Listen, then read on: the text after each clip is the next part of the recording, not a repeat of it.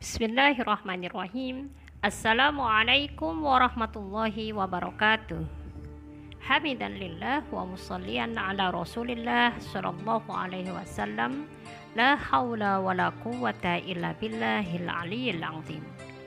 Alhamdulillahirabbil alamin. Hari ini kita bisa bertemu kembali dalam ngaji Islam kafah bersama Bunda yang hari ini kita akan mengangkat tema tentang rasa Ibu-ibu rahimakumullah, semoga apa yang kita lakukan hari ini Allah catat sebagai amal soleh terbaik dan bisa menjadi tabungan pahala di yaumil kiamah. Amin. Allahumma amin. Ibu-ibu rahimakumullah dan akhwati fillah rahimakumullah. Setiap mukmin yang cerdas pasti mengharapkan kehidupannya itu baik, bahagia, berkah dan juga penuh limpahan ridho Allah taala. Dan setiap mukmin yang cerdas pastinya lebih mengutamakan bekal untuk akhiratnya dan ini sudah sering kita bahas. Dan dia pasti bersikap zuhud terhadap kenikmatan dunia, tidak mudah terperdaya oleh berbagai kenikmatan dunia yang sedikit dan penuh tipuan. Sebagaimana baginda Rasul Muhammad SAW pernah bersabda dari Syaddad bin Aus bahwa beliau Shallallahu Alaihi Wasallam bersabda, al kayisu mandana nafsahu wa amila lima ba'dal mauti. Orang yang cerdas itu adalah orang yang bisa menundukkan hawa nafsunya dan dia beramal untuk hari setelah kematian.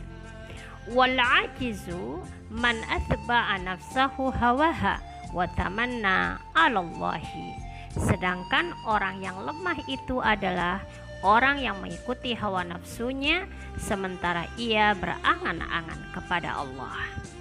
Karena memang ibu-ibu rahmakumullah kita sudah paham semua bahwa akhirat itu jauh lebih baik dan lebih kekal. Sebagaimana yang Allah firmankan dalam Al-Quran surat Al-A'la ayat 17 Wal akhiratu khairu wa abaka wa abaka Dan akhirat itu jauh lebih baik dan lebih kekal Ibu-ibu rahimakumullah dan akhwati fillah rahimakumullah. Setiap mukmin sejati juga pasti dirinya bercita-cita untuk masuk ke dalam surganya Allah. Saat di mana Allah akan menyeru kita sebagaimana di Al-Quran surat Al-Fajr surat ke-89 ayat 27 sampai 30. Ya ayuhan nafsul mutmainnah irji'i ila rabbiki radiyatan mardiyah fadkhuli fi ibadi wadkhuli jannati.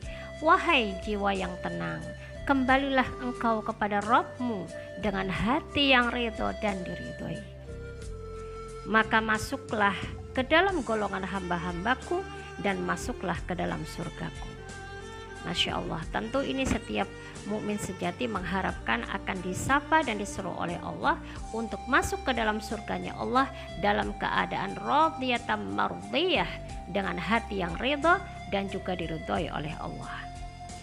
Dan kunci surga itu sebagaimana yang sudah kita tahu itu adalah takwa. Takwa dengan makna taat total kepada Allah Ta'ala atau taat seutuhnya kepada syariat Allah. Takwa dengan makna taat secara total kepada Al-Quran dan sunnahnya. Takwa dengan makna taat berislam kafah dan beribadah serta menghamba kepada Allah dengan sepenuh hati. Karena memang takwa ini adalah sebaik-baik bekal bagi setiap hamba yang berakal. Allah berfirman, A'udzu billahi minasyaitonir rajim. Wa tazawwadu fa inna khairaz zadi at-taqwa. Wattaquni ya ulil albab. Berbekallah kalian semua. Maka sebaik-baik bekal adalah takwa wattaquni maka bertakwalah kepadaku ya ulil albab wahai orang-orang yang berakal Meski sesungguhnya ibu kita tahu juga jalan menuju surga itu justru penuh dengan tantangan, penuh dengan kesulitan dan juga diliputi oleh hal-hal yang tidak disukai oleh jiwa dan rasanya manusia. Sebagaimana peringatan dari baginda Rasul Muhammad SAW, huffatil jannatu bil makarihi wa huffatin naru bisyahawati Surga itu diliputi oleh perkara-perkara yang dibenci oleh jiwa dan neraka itu diliputi oleh perkara-perkara yang disukai oleh syahwat. Hadis riwayat Muslim dari Anas bin Malik radhiyallahu anhu. Hufat di sini berasal dari kata al-hafaf, artinya adalah sesuatu yang meliputi sesuatu yang lain. Jadi surga dan neraka itu ibu artinya itu diliputi oleh sesuatu yang seseorang itu tidak akan bisa memasuki surga atau neraka kecuali setelah melewati hijab sesuatu itu tadi. Nah, lafat al-jannah ini maksudnya surga ya Bu atau dimaknai lainnya adalah kampung kenikmatan atau al-makarih di sini adalah ketika disebut hufatil jannatu bil makarih, al makarih itu maknanya adalah perkara-perkara yang dibenci oleh jiwa manusia berupa ketaatan dan ketundukan terhadap aturan-aturan Allah taala. Subhanallah berarti memang jiwa manusia itu aslinya nih bu. Ya nggak bicara orang yang beriman aslinya jiwa manusia itu nggak suka ya bu. Disuruh taat disuruh tunduk kepada aturan Allah. Makanya di sini baginda Rasul menggunakan lafaz al makarih perkara yang dibenci oleh jiwa itu adalah taat dan tunduk pada aturan Allah. Subhanallah ya bu. Semoga kita tidak seperti ini. Adapun lafaz an-nar atau neraka ini maknanya adalah kampung siksaan dan azab Sedangkan lafaz asyahwat itu adalah syahwat-syahwat, nafsu yang condong pada keburukan, nafsu yang condong kepada kejelekan. Nah, kemudian penjelasan terhadap hadis ini Bunda ambilkan dari syarah uh, Imam An-Nawawi terhadap hadis-hadis yang dikeluarkan oleh Muslim di mana beliau memberikan penjelasan. Nah, Bunda ringkaskan karena penjelasannya cukup panjang dari hadis ini adalah bahwa seseorang itu sebenarnya tidak akan bisa masuk surga sehingga dia mengamalkan perkara-perkara yang dibenci oleh jiwanya. Demikian pula seseorang tidak akan bisa masuk neraka sehingga ia mengamalkan perkara-perkara yang disenangi oleh syahwat. Demikian itu karena memang ada tabir yang menghiasi surga dan neraka. Nah, tabir yang dimaksud itu apa? Berupa perkara-perkara yang dibenci, itu kalau surga ya Bu, dan kalau neraka dihiasi dengan perkara-perkara yang disukai oleh jiwa. Nah, melanjutkan Imam An-Nawawi dalam syarahnya ini, barang siapa yang berhasil membuka tabir itu, maka ia akan sampai ke dalamnya. Jadi kalau mau sampai ke dalam surga Bu, kita harus melampaui sesuatu yang meliputinya itu tadi, tabirnya itu tadi. Apa tabirnya? Yaitu perkara yang dibenci oleh jiwa. Nah, tabir surga itu dibuka dulu. Baru kita bisa sampai ke dalamnya. Dan tabir surga itu akan bisa dibuka oleh amalan-amalan yang dibenci justru oleh jiwa. Contohnya apa? Beliau di sini memberikan contoh Imam An-Nawawi bersungguh-sungguh dalam beribadah kepada Allah bukan cuma sekedar menggugurkan kewajiban ya Bu, berarti di sini bersungguh-sungguh beribadah pada Allah taala. Lalu apalagi yang lain? Bersabar saat menjalankan ibadah itu tadi dengan rasa berat sekalipun. Jadi meskipun rasanya berat Bu melakukan ibadah dan ketaatan, ya harus dilawan, harus terus dilakukan. Apalagi contoh yang lain, menahan amarah. Apalagi yang lain, memaafkan orang lain yang telah menzolimi kita. Nah ini berat ya Bu ya. Orang yang sudah zolim kepada kita, kita tidak balas menzolimi, tapi justru kita memaafkan bahkan sebelum diminta maaf. Berlaku lemah lembut kepada orang lain, tidak memperturutkan hawa nafsu, dan tetap istiqomah menjalankan ketaatan, meski ketaatan itu terasa berat dan melelahkan. Masya Allah Bu. Ternyata memang menunaikan ketaatan itu capek ya Bu. Menaan, menjalankan ketaatan itu lelah. Tidak ada ceritanya menjalankan ketaatan itu uh, tidak menguras tenaga, perhatian, energi dan seterusnya. Karena tabiatnya memang begitu.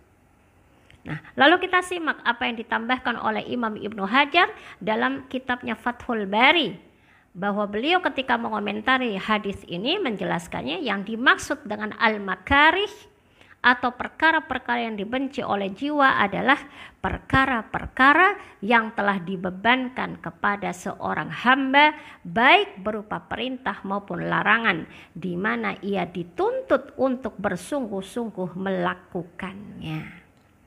Penggunaan lafaz al-makarih di sini kata Imam Ibnu Hajar karena adanya kesulitan dan kesukaran yang ditemui hamba saat menjalankan perintah dan larangan Allah tersebut. Masya Allah Bu, memang berarti tabiatnya melaksanakan perintah dan ketaatan, meninggalkan larangan itu akan ada kesulitan, akan ada kesusahan, akan ada kesukaran. Jadi tidak mungkin tabiatnya itu kita bisa melakukan ketaatan secara total lalu sepi dari kesukaran dan kesulitan itu tidak akan bisa begitu. Nah, seakan-akan menurut Imam Ibnu Hajar dalam hadis ini baginda Rasul Muhammad SAW akan mengatakan bahwa seseorang itu tidaklah akan sampai ke surga kecuali setelah ia melakukan amalan yang dirasakan begitu sulit dan berat saat dia menunaikannya. Ini dalam kitab Fathul Bari yang juz 18 ya Bu, di halaman 317. Allah Ta'ala di dalam Al-Quran surat Yusuf surat ke-12 ayat 53 juga mengingatkan. Innan nafsala ammaratum bisu'i illa ma rahima rabbi. Sesungguhnya jiwa manusia itu menyuruh kepada kejelekan kecuali jiwa yang dirahmati oleh Rabbku. Masya Allah, ini berarti iman bu, keimanan kita ini yang menentukan yang akan bisa menghalau seluruh apa-apa yang diserukan oleh nafsu atau jiwa manusia itu kepada keburukan sehingga kita bisa tetap istiqomah pada keta ketaatan dan kebaikan. Begitulah ibu-ibu rahimakumullah tanda kutip hiasan-hiasan surga. Menuju ke surga itu diliputi oleh segala sesuatu yang dibenci oleh jiwa manusia Hiasan surga itu harus ditapaki jalan menuju surga dengan berbagai ketaatan secara total kepada Allah Ta'ala meski terasa berat saat melaksanakannya. Dan bagi seorang mukmin sejati, rasa berat, rasa capek, rasa lelah dan banyaknya tantangan saat menyempurnakan berbagai ketaatan itu tentu akan terus dijalaninya dan terus dinikmatinya hingga sampai pada kadar bisa merasakan kenikmatan saat taat kepada Allah. Ya, betul Ibu. Yang dimaksudkan di sini adalah merasakan kenikmatan saat taat. Merasakan kenikmatan saat menghamba secara total kepada Allah Ta'ala. Mungkin orang lain ada yang merasa heran, merasa berat, lelah, capek, susah melakukan ketaatan. Tapi kenapa ada orang-orang yang tetap mau bahkan terus bersemangat dan berupaya istiqomah melakukan ketaatan itu meski dia harus banyak berkorban? Karena sesungguhnya Orang yang terus bersemangat dan berusaha untuk istiqomah dalam taat yang susah itu tadi, ia telah dapat merasakan kenikmatan dalam ketaatannya kepada Allah. Masya Allah. Itulah ibu apa yang disebut dengan rasa. Itulah yang disebut oleh Hujatul Islam Imam Al-Ghazali bahwa ada ilmu yang tidak bisa diceritakan dan tidak mungkin juga diungkapkan dengan kata-kata. Ilmu itu adalah ilmu yang terkait rasa. Seperti misalnya Bu, berbagai kenikmatan yang dirasakan oleh mungkin kita tahu ya Bu ya, Ada Bu pecinta kopi Bu. Nah, ada bukan sekedar minum kopi instan ya Bu ya. Itu kalau minumnya masih minum kopi instan namanya bukan pecinta kopi. Kalau yang pecinta kopi sejati, dia itu akan merasakan kenikmatan tersendiri saat dia telah merasakan kopi dengan berbagai varietasnya. Dan diminumnya kopi itu, Bu, betul-betul ya kopi aslinya. Nggak pakai gula, bukan instan juga. Jadi bukan rasa kopi, tapi kopi. Nah itu kenikmatan minum kopi bagi pecinta kopi sejati atau kenikmatan masakan bagi pecinta kuliner. Jadi dia sibuk sekali dan memang suka menghabiskan waktunya itu untuk kuliner pindah dari satu tempat ke tempat lain. Kalau ada informasi kuliner yang katanya terkenal, baru, rame, viral, maka dia akan memburunya. Meski dia harus mengeluarkan sejumlah uang untuk sampai kalau di kotanya sih gampang ya Bu, tapi kalau sudah lintas kota atau lintas provinsi atau sengaja keluar pulau, nah itu itu ada kenikmatan sendiri buat pecinta kuliner. Nah, ini Bunda sedang tidak membahas kalau kenikmatan ini sesuatu yang sifatnya uh, alami saja ya Bu, tidak melihat masalah uh, apakah ini perkara yang diharamkan. Ya tidak sampai haram memang perkara yang mubah-mubah, tapi nanti akan ada hisap di hadapan Allah. Kalau semua waktu yang dia punya mayoritasnya dipakai untuk yang mubah. Nah, itu eman sekali. Atau apa lagi Bu? Kenikmatan bagi uh, orang yang suka naik gunung, tahu ya Bu ya, suka naik gunung. Meskipun dia susah tuh Bu, sampai ke gunung dia tapi ketika bisa menaklukkan gunung-gunung yang tinggi, dia ada sampai di puncak gunung, maka ada kenikmatan sendiri yang dia rasakan. Nah, kenikmatan-kenikmatan seperti itu tuh tidak cukup, Bu, dan tidak akan bisa digambarkan dengan kata-kata. Nah, siapa yang bisa merasakan? Ya hanya orang yang melakukannya itu saja. Nggak mungkin orang yang pecinta kopi itu lalu dia cerita kepada orang kopi itu enak banget. Lalu dia bercerita kepada orang yang tidak suka kopi. Maka kenikmatan itu tidak akan bisa ditransfer, tidak akan bisa diceritakan, bahkan dengan kata-kata yang panjang kali lebar sekalipun. Kalaupun berusaha digambarkan, tidak akan persis sama dengan apa yang benar-benar dirasakan oleh yang melakukannya. Nah, itulah Bu yang disebut dengan ilmu rasa. Itulah yang disebut dengan ilmu tentang lazah. Lazah itu kenikmatan. Kenikmatan atau rasa yang hanya bisa dirasakan langsung hanya oleh yang melakukannya, yang mencintai aktivitas itu, yang menyukai hal-hal itu. Seperti misalnya kenikmatan atau rasa saat kita beribadah kepada Allah. Ibadah sholat-sholat sunnah kita. Karena di samping memang tentu Bu kewajiban ya melakukan sholat fardu, tapi menambahnya dengan sholat sunnah rawatib, menambahnya dengan sholat lail dan sholat tahajud, memahami Al-Quran lalu menambahnya dengan amalan tadabbur Al-Quran, menambah lagi dengan sunnah-sunnah zikir dan wirid, zakat-zakat yang ditambah lagi dengan sunnah infak sodakoh dan sebagainya. Itu itu semua pun hanya bisa dirasakan kenikmatannya oleh orang-orang yang melakukannya dan merasakannya secara langsung. Juga kenikmatan saat kita mencintai Allah. Saat kita mencintai baginda Rasul Muhammad SAW saat kita menahan rindu kita kepada baginda Rasul Muhammad wasallam. Saat kita berdebar-debar mengharapkan syafaat beliau. Saat kita betapa inginnya diakui sebagai umat Rasul Muhammad wasallam dengan berusaha menjalankan seluruh yang beliau wariskan, seluruh yang beliau sunnahkan.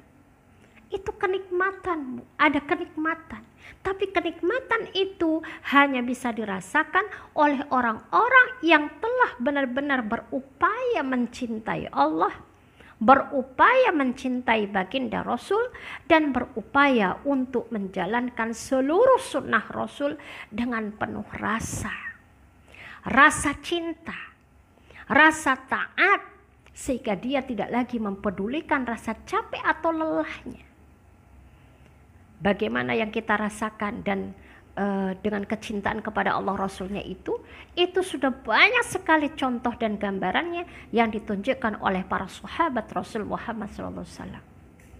Bagaimana ada rasa dan nikmat mencintai Allah Rasulnya pada Bilal bin Rabah saat beliau harus menahan rasa sakit disiksa oleh kafir Quraisy, tapi beliau tetap bertahan pada keimanannya terhadap Allah dan kecintaannya kepada Rasul atau kenikmatan yang dirasakan oleh Abdullah bin Mas'ud. Karena beliau rela untuk dipukuli oleh orang-orang kafir Quraisy saat itu tapi beliau tetap melantunkan Al-Qur'an dengan lantang di hadapan Ka'bah di hadapan orang-orang kafir Quraisy saat itu. Itu kenikmatan itu rasa yang dirasakan oleh Abdullah bin Mas'ud yang tidak mungkin bisa difahami oleh orang-orang kafir Quraisy saat itu atau kenikmatan dan rasa yang dirasakan oleh Sayyidina Abu Bakar As-Siddiq saat beliau mendampingi baginda Rasul melakukan hijrah dari Makkah ke Madinah. Lalu beliau rela untuk mengorbankan seluruh hartanya, bahkan melibatkan seluruh anggota keluarganya untuk menopang dan mendukung dakwah Rasul, menyelamatkan baginda Rasul, bahkan beliau selalu harap-harap cemas Beliau tidak memikirkan keselamatan dirinya tapi Rasulullah, baginda Rasulullah yang dipikirkan. Lelah, capek, bahkan berkorban apa pun tidak menjadi sebuah perkara yang berarti bagi Sayyidina Abu Bakar As-Siddiq karena ada rasa, ada lazah, ada kenikmatan yang beliau rasakan ketika beliau menunaikan berbagai ketaatan sebagai bentuk cintanya kepada Allah, kepada Rasul dan kepada dakwah saat itu. Demikian pula dengan para sahabat Rasul yang lain. Atau kisah Al-Khansa yang sudah sering kita baca kisahnya. Atau bahkan kita sudah sangat hafal kisah ini. Seorang ibu yang justru lebih khawatir kehilangan baginda Rasul Muhammad SAW dibandingkan dengan syahidnya empat orang putranya di medan perang jihad itu tidak bisa difahami lazah atau rasa itu tadi. Kecuali hanya yang bisa merasakan adalah orang-orang yang seperti Al-Khansa tadi yang betul-betul melakukan ketaatan lalu mengekspresikan kecintaannya kepada baginda Rasul dengan benar, dengan ikhlas dan sebenar-benarnya cinta didasarkan kepada imannya kepada Allah.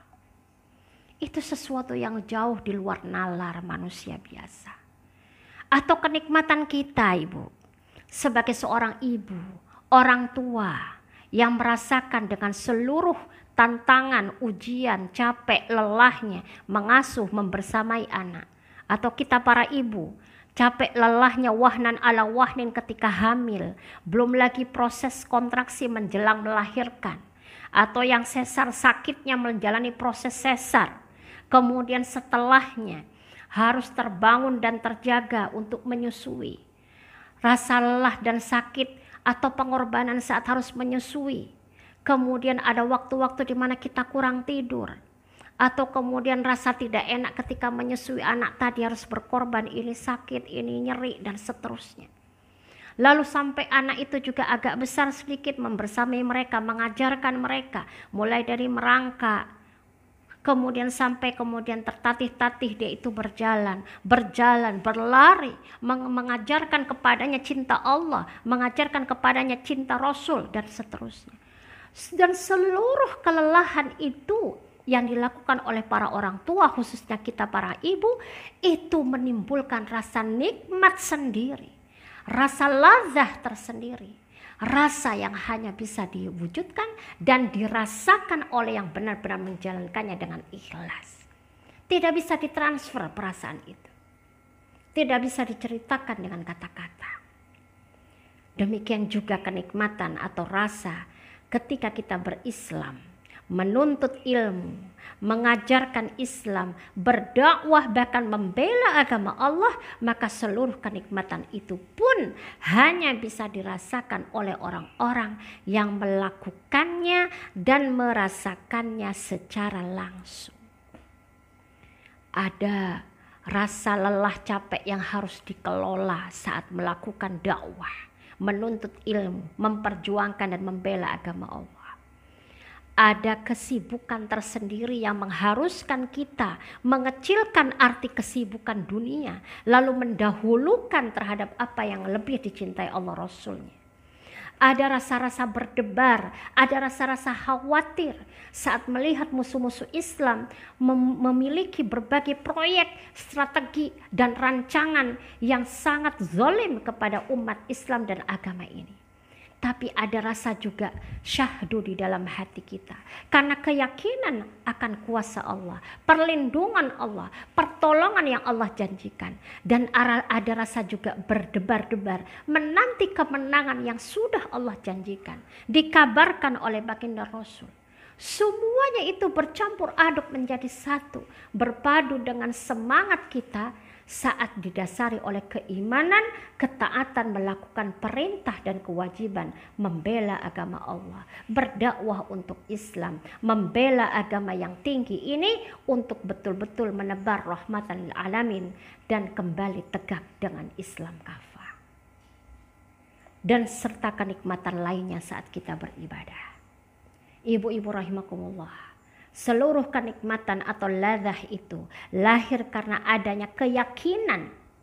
Keyakinan itu melahirkan harapan dan selalu berhusnuzonnya kita kepada Allah. Meski terkadang harus menghadapi ujian, maka perintahnya apa Bu kalau diuji? Sabar. Karena di balik setiap ujian ada pemberian dari Allah yang sangat besar berupa kebaikan, keberkahan dan pahala besar asalkan kita menjalaninya dengan sabar. Maka ibu-ibu rahimakumullah terhadap seluruh bentuk ibadah, terhadap seluruh ketaatan yang telah Allah Ta'ala syariatkan. Sesungguhnya ada kenikmatan, ada rasa, ada ladah saat kita benar-benar serius menyempurnakan penunaiannya.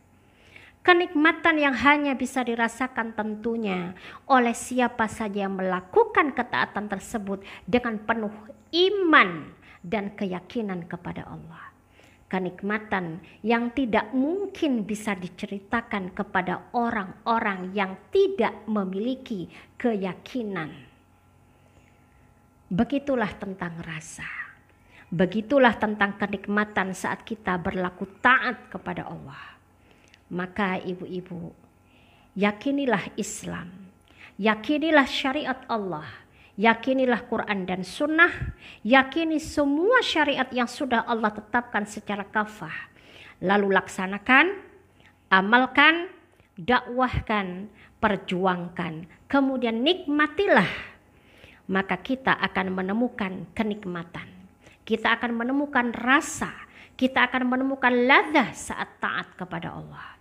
Semoga Allah Ta'ala memberikan kekuatan kesabaran kita dalam taat kepadanya dan semoga Allah segera menolong kaum muslimin dengan memberikan kemenangan kepada kaum muslimin dengan tegaknya Islam secara kafah.